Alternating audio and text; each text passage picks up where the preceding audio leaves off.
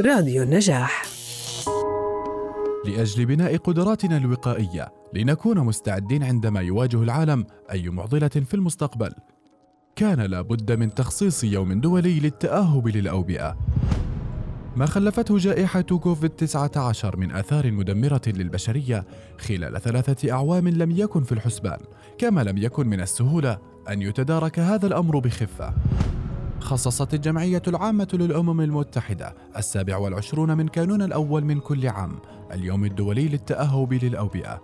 يأتي هذا اليوم في سياق المحاولات للتعليم من الدروس التي مر بها العالم ليواجه أي أزمات صحية مستقبلية. خلفت جائحة كوفيد-19 الدمار على الأرواح البشرية فبعضها ماتت وبعضها أصيبت بمرض نفسي من الخوف على نفسها وعلى عائلاتها بعض الدول انهارت اقتصاديا كما في بعض الدول انهارت أنظمتهم الصحية لعدم الجاهزية. الجائحة لا زالت تجدد نفسها وكل مرة تحت مسمى سلسلة أخرى متطورة عن كوفيد-19 وهذا ما يدعو الدول للتعايش مع الوباء في جميع القطاعات حتى لا تنهار أجزاء من الإنسانية بسببه.